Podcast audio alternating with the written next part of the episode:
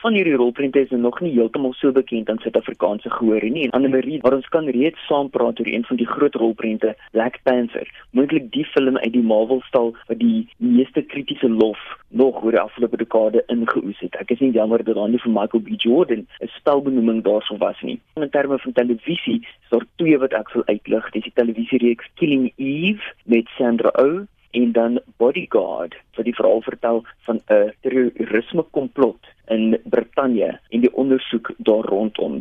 Bodyguard se series finale het die meeste kykers ooit in Brittanje na die televisie gelok. Nou, is daar sekere produksies wat oorgesien is in die benoemings?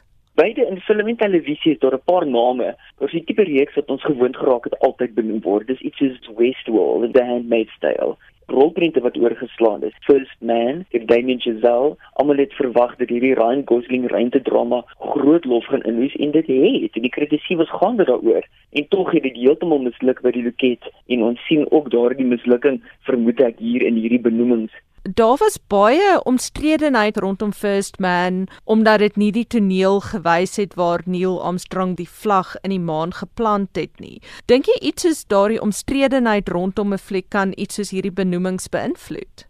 Toe Anne Marie 'n paar jaar gelede nê, nee, so mense tog nog kon vasgehou het by die gesegde daar's nie 'n ding so slegte publisiteit nie. Maar nou gebeur iets soos hierdie en jy is heeltemal reg want jy het gesien met First Man in die vermiste vlag as ek dit sou kan stel. Die reaksie wat ek opgetel het onder die topkritici in Amerika is en dit vra gevra oor hoekom mense so 'n verletterliking van hierdie verhaal gesoek het. Want nou is daar vreeslik fokus op hierdie een toneel en die besigheid van die Amerikaanse vlag oor die algemeen in die rolprent. Maar die fliek is so 'n viering van wat die Amerikaners reg gekry het deur Neil Armstrong op die maan te plaas dat dit tog sekerlik iets kleins soos hierdie artistieke besluite rondom die vlag moet oorskadu. Want dis nou juist die tipe detail waarop jy alt-right en diegene wat glo dat Hollywood 'n liberale moeras is waarop hulle nou sal fokus.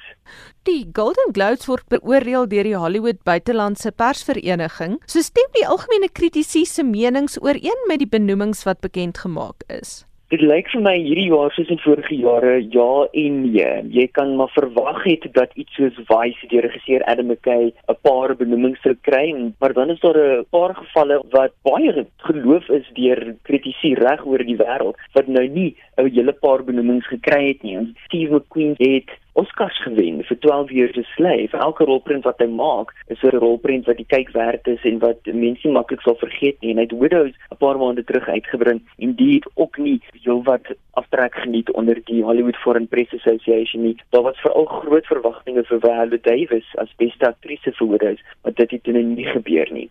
Byvoorbeeld met Black Panther het baie mense nou aangekondig dat 'n nuwe era vir diversiteit in Hollywood nou aangebreek het. sien jy dit enigstens in die Golden Globe benoeming sover?